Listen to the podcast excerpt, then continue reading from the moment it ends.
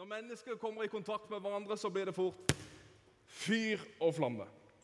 Og Det er akkurat som det er en sånn ond sirkel vi lever i. Jeg har fått Felipe til å hjelpe meg her, for han har tatoveringer. Du må, jeg lurer på om du skal komme opp på trappa her. Se på han. Chilener, vet du. Ho, ho. Det, det er akkurat som vi lever i en sånn ond sirkel av, av dytt. sant? Jeg, gjør, jeg, for eksempel, jeg slår Felipe. Han kjenner med en gang at han har lyst til å slå tilbake. Ja, 'Hvorfor slår du meg, da?' Kutt nå ut, altså. Det, det er, ja, kanskje han sier noe stygt til meg, ja vel, da sier han noe stygt tilbake. Og så er det liksom ah, det er utrolig dust. altså. Hvorfor holder du på med det? Det er urettferdig. Ah, ah, ah, hvorfor gjorde du det? Vær så god, du kan sette det. Time out.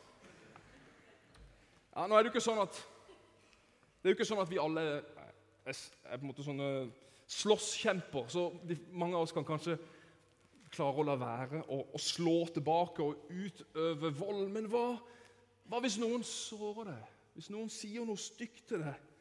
Det er så lett å si noe tilbake. Vi kjenner vi har lyst til å ta tilbake. Behovet for gjengjeldelse det ligger så latent i oss alle i en eller annen form. Og sånn som dette her, denne dansen som preges våre relasjoner i dag. Ja, på et, på et uh, personlig plan i mine relasjoner, men også på et nasjonalt plan. Hvor mange kriger og konflikter er det ikke som pågår pga. et angrep, motangrep, angrep, motangrep? Ja, det er mange av krigene i denne verden som pågår på den måten. Og det kan gå i det uendelige. Og det ser ikke ut som at det virker å ta tilbake, og at det løser veldig lite, men allikevel så gjør vi det. Verdens visdom, eller normen i verden, kan virke som at det, det handler om at hevnen er søt. Eller at med ondt så skal ondt fordrives. Eller for den saks skyld øye for øye, tann for tann. Fra den gamle Mosloven, som handla om det gamle rettssystemet i Israel. Jeg skal komme tilbake til det, og at Jesus tar et oppgjør med det. Men for ikke å snakke om Hollywood, som serverer oss filmer som oftest ender opp med den såkalte happy ending. Eller at filmen avslutter med et sånt payback. Jeg vet ikke om du så denne filmen der på 90-tallet? gjorde du det? Med Mel Gibson. Dere må ikke se han, men eh, noen av oss voksne så han. Handla om payback. Der har du det klassiske 'hevnen er søt'-opplegget. Og på slutten, ikke sant, når det er happy ending, så er det så får skurken som fortjent. Og eh, Da får vi all denne godfølelsen som vi eh, mener eh, er god. Den godfølelsen vi har venta på hele filmen, at nå fikk alle som fortjent. For det er jo rettferdighet. Det er jo rettferdighet vi er veldig opptatt av. Om det er mengden juice i koppen, ikke sant? eller om eh, skurken bør drepes på slutten av filmen. Det er akkurat som vi står fast i en sånn ond sirkel styrt av behovet for å liksom ta tilbake, for å gjengjelde, for å gjengjelde det onde som er påført oss i en eller annen form.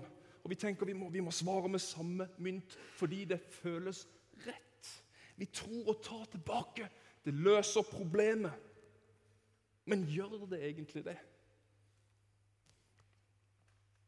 Har du tenkt på det? Det er rart det, hvor godt det føles å ta tilbake. Kjente det, Filippe? Det var godt. Jeg så du gliste veldig godt der når du ga meg den i magen.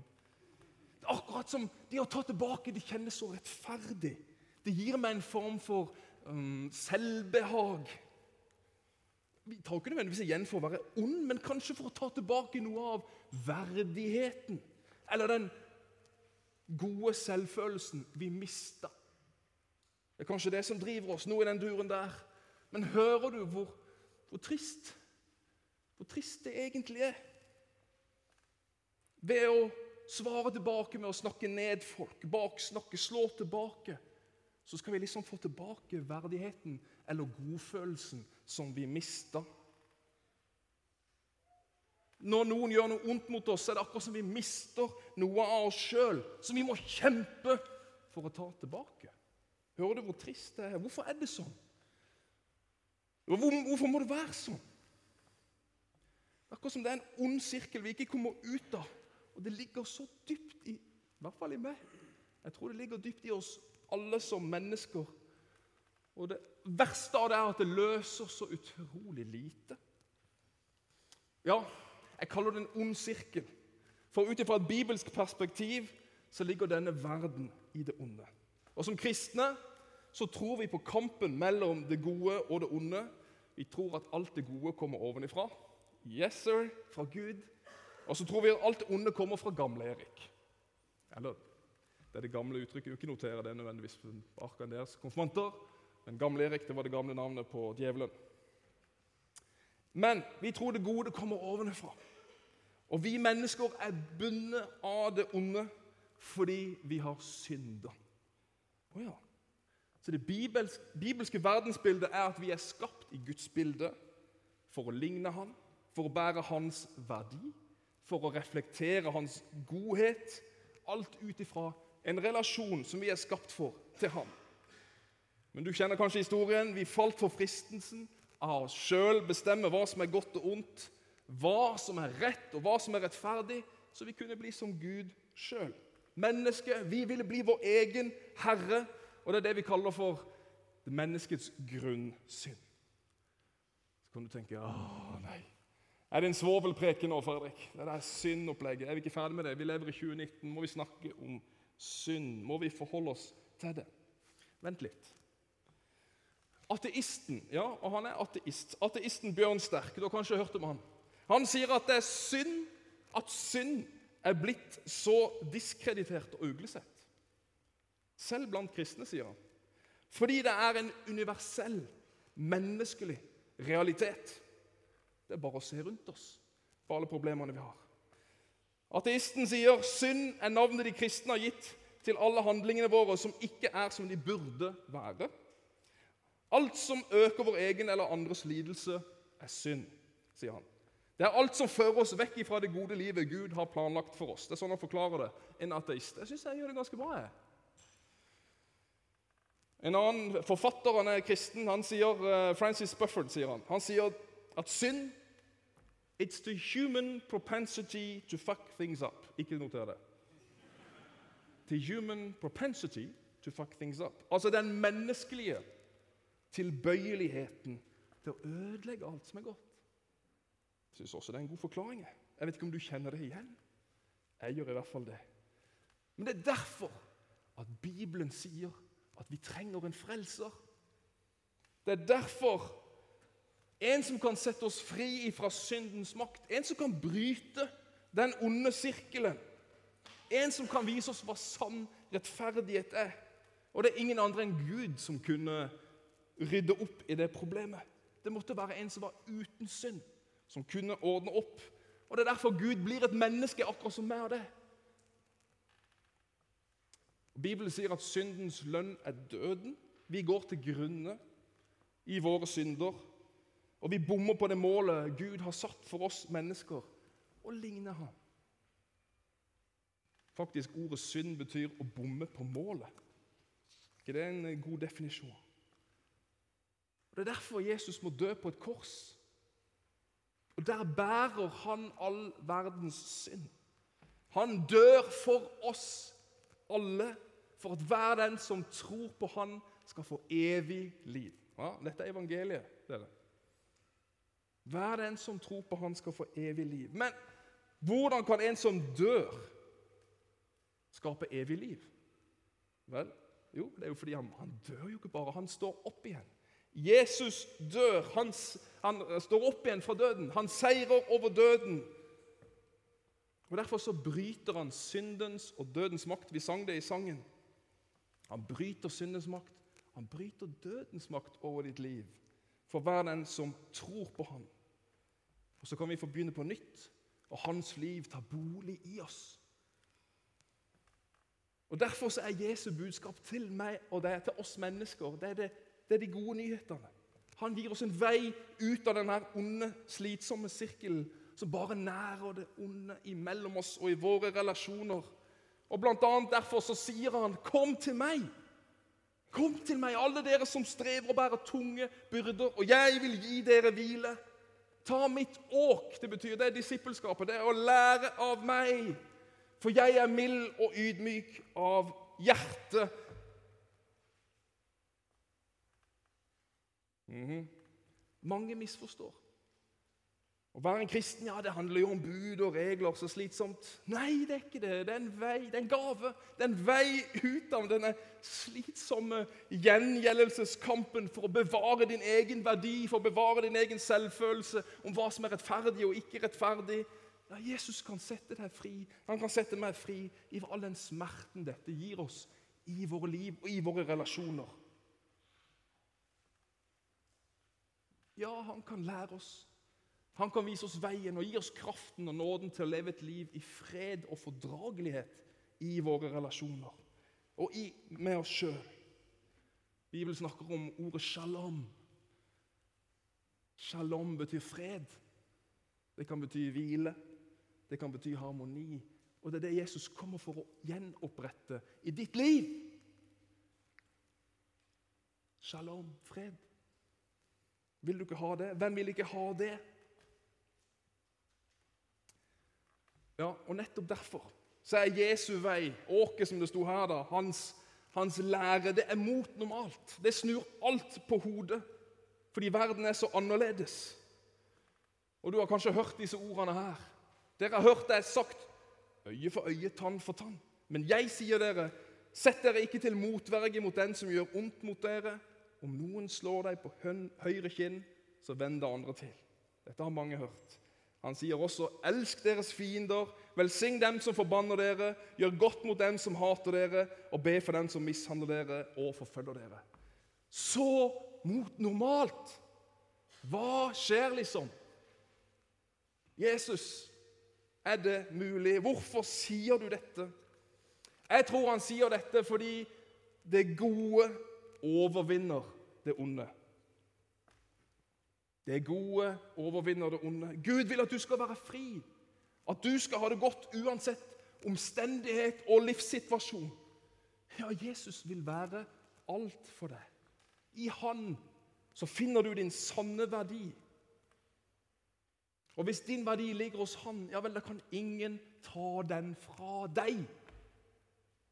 Hvis verdien din ligger hos Han. Ja, mye mer enn det. Han ønsker at du skal bringe hans shalom, hans fred, hans godhet og hans rike inn i denne verden som hans disippel. Og disippelens vei, det er å overvinne det onde med hans kjærlighet. Og Det er derfor korset er så sentralt i den kristne tro. Korset det er liksom bull's eye. Det er målet, det er veien å gå for den som vil leve i fred med seg sjøl og andre. Og Det er derfor Jesus sier til sine etterfølgere ta opp ditt eget kors. Du må fornekte deg sjøl. Du må dø fra deg sjøl. For bare da kan du bli født på ny, inn i et nytt liv. Og så sier han, 'Kom så og følg meg'.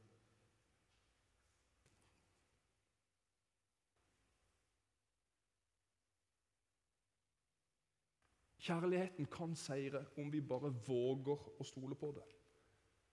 Om vi klarer å se og forstå Jesu budskap i det. Så Filippe, hvis vi skal ta en ny fight her Skal vi se om vi har blitt noe klokere her nå. Hæ?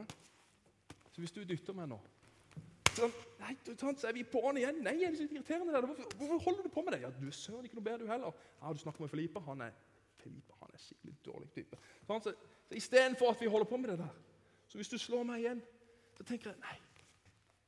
Skal jeg ta meg? Bare fortsett å slå meg, Felipe. Litt rolig, da. Sånn. Nå.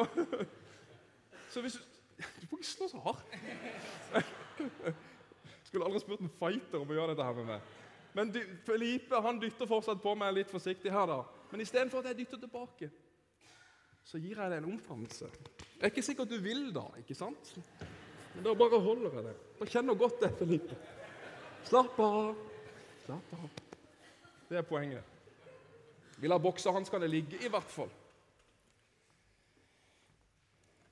Paulus han sier det på den måten. Gjengjeld ikke ondt med ondt. Ta tanke for det som er godt for alle mennesker. Hold fred med alle om det er mulig. Så langt det står til dere. Jeg liker den setninga der.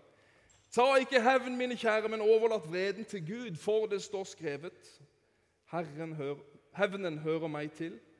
Jeg skal gjengjelde, sier Herren. Men er din fiende sulten, så gi han mat. Er han tørst, så gi han drikke. Gjør du det, samler du glødende kull på hans hode. Et bilde for anger. Åh.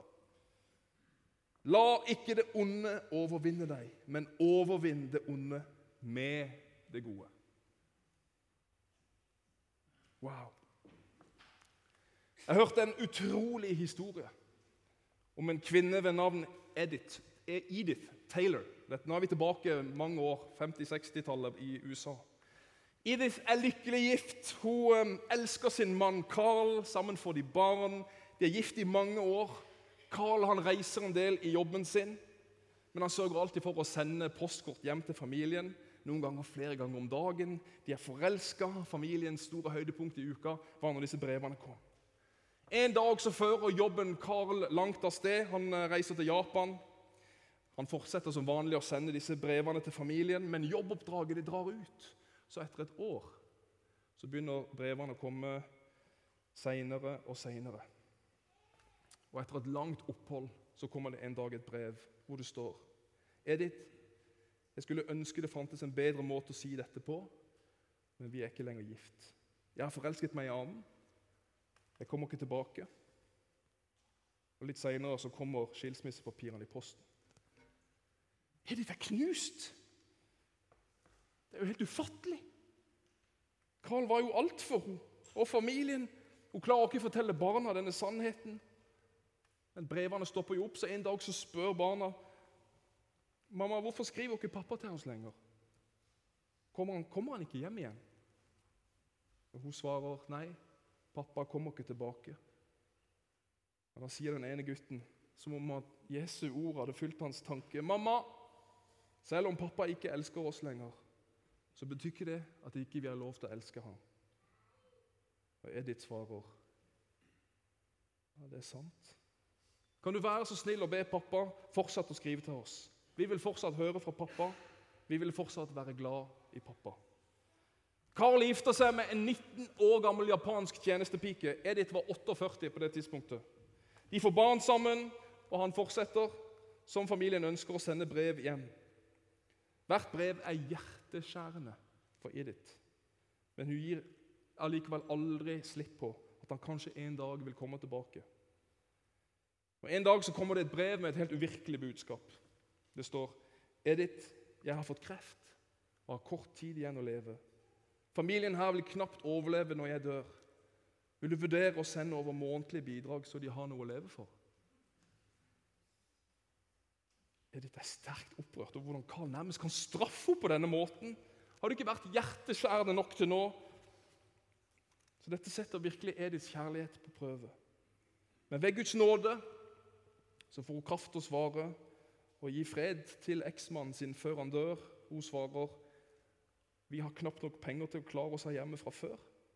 Men om dine barn ikke kan klare seg i Japan, så får du sende dem til Amerika. Så skal jeg lære dem språket og hjelpe dem å stå på egne bein.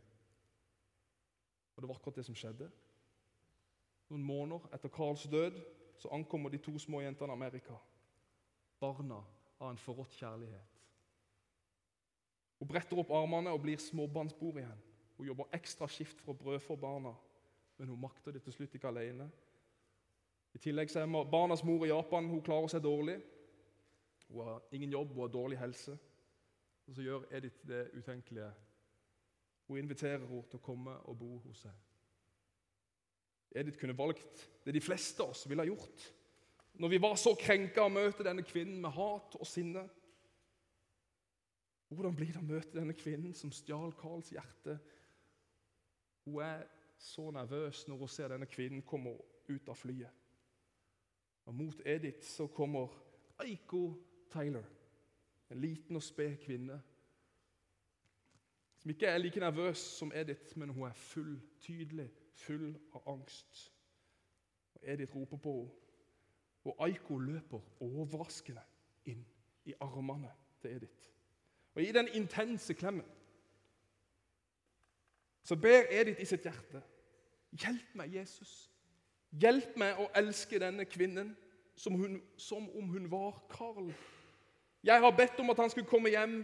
Nå er han her i sine to døtre og i denne kvinnen som han elsket. Hjelp meg å huske det. Og Dette er bildet fra flyplassen. Det ekte bildet. De ble en ny familie. Barna tok etter hvert høyere utdanning, og Aiko ble sjøl sykepleier. Og Edith oppsummerer denne historien med å si i den mørke og vanskelige perioden i livet takker jeg Gud for hvert glimt av håp og mulighet til å dele noe av Jesu kjærlighet. Vi snakker om kraften i en omfavnelse. Kraften i en omfavnelse. Folkens, det er bare Jesu kjærlighet som gjør det der mulig. Guds kjærlighet har kraften i seg til å vende det onde til det gode i våre relasjoner. Du trenger ikke la det onde overvinne deg.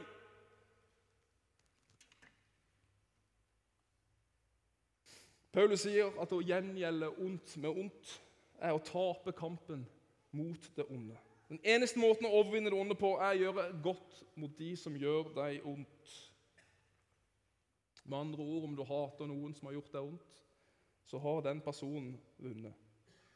Og du sitter sjøl igjen med smerte.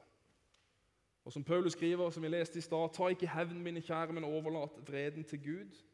Så er det fordi det er bare du, Gud som kan dømme rettferdig. Det er ikke vår jobb å dømme. Det bare ødelegger oss som mennesker. Vi er ikke skapt for det. Vi er skapt til å leve i hans verdi, i hans kjærlighet. Det er ikke vår jobb å dømme, gjengjelde. Det kan vi få legge på Gud. Jeg tenker Det er hvilken nøkkel til våre relasjoner, til våre sår og til vår forakt av med boksehanskene. Og tilgi de som har gjort oss vondt. Presten Per Arne Dahl sier den som ikke vil gi avkall på hevn og bitterhet, vil oppleve at mennesket vi ikke vil tilgi, gjør oss til fange i vårt eget hus og legger premissene for et svært begrenset liv i Jesus. Jesus sier jo også, han er knalltydelig, fordi jeg har tilgitt dine synder, så skal du tilgi andre. Det er råe ord. Og Det er faktisk ikke bare et tips, det er et bud til oss. Men jeg er sikker på at grunnen til det er at uten tilgivelse, uten å overlate den straffen til Gud, så vil det onde seire i våre liv. Og det er ikke Guds ønske for meg det.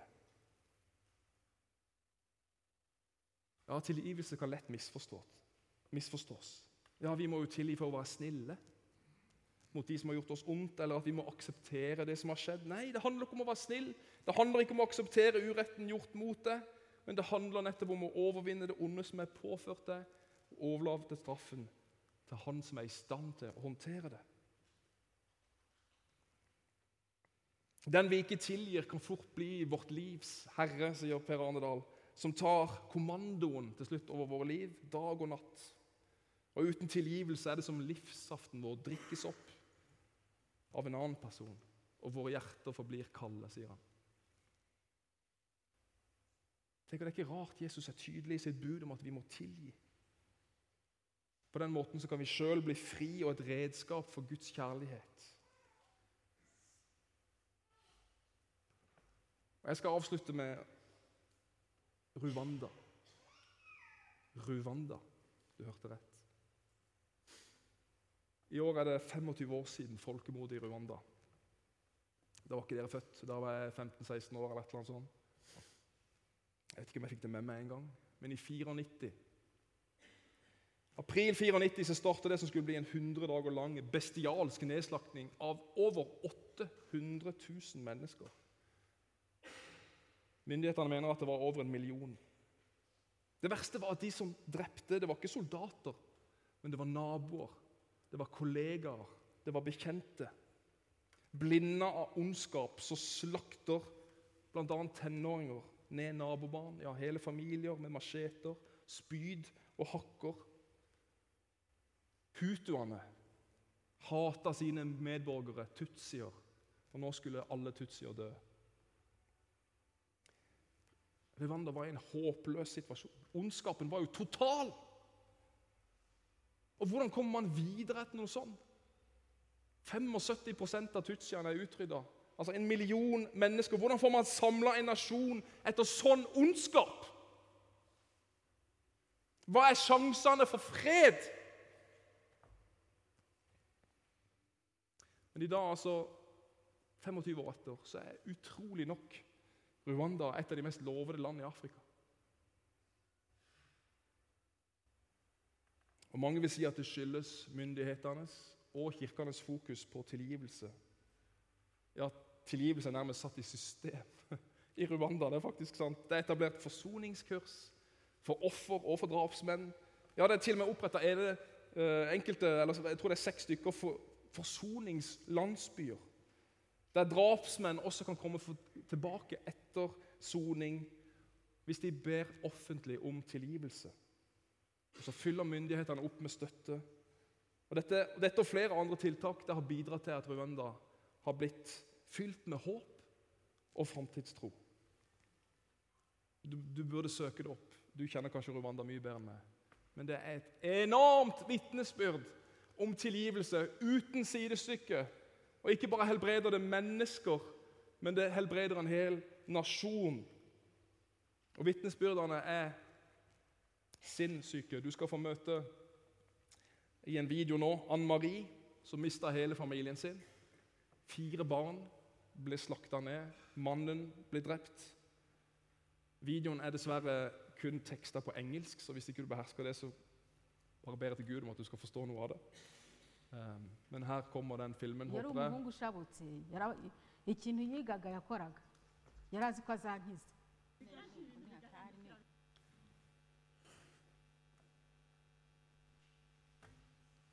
Ja, det er sterke ord.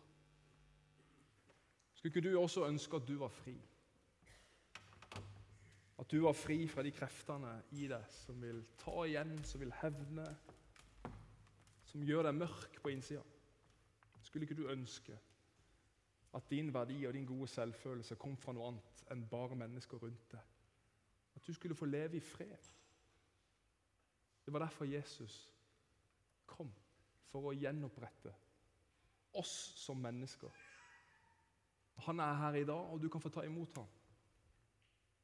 Skal vi be sammen? Jesus, vi, eh, vi skjønner at vi bare er mennesker oppi alt dette. Vi møter en stor Gud i dette. Du gjør det umulige mulig. Du vender det onde til det gode. Det som er umulig for oss mennesker, det gjør du umulig. Og jeg takker deg, Herre, for at det var det du gjorde på korset. Herre Jesus, det handler ikke om bud og regler. Det handler ikke om religion. Det handler om en god Gud. Det handler om fars kjærlighet. Det handler om å komme tilbake til deg. Herre Jesus, jeg ber nå her i dag om at du skal klippe lenker i våre liv.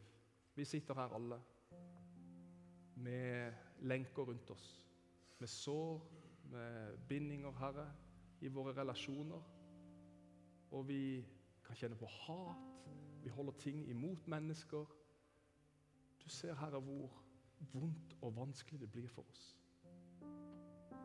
Da vil jeg be om en åpenbaring i dag, Herre, av din godhet, av din kraft, av korsets kraft som kan sette oss fri. Og jeg ber om at du skal øse ut troens gave over oss, Herre, så vi kan få ta imot den gaven det er å kunne tilgi og leve, Herre, i din kjærlighet. La det skje.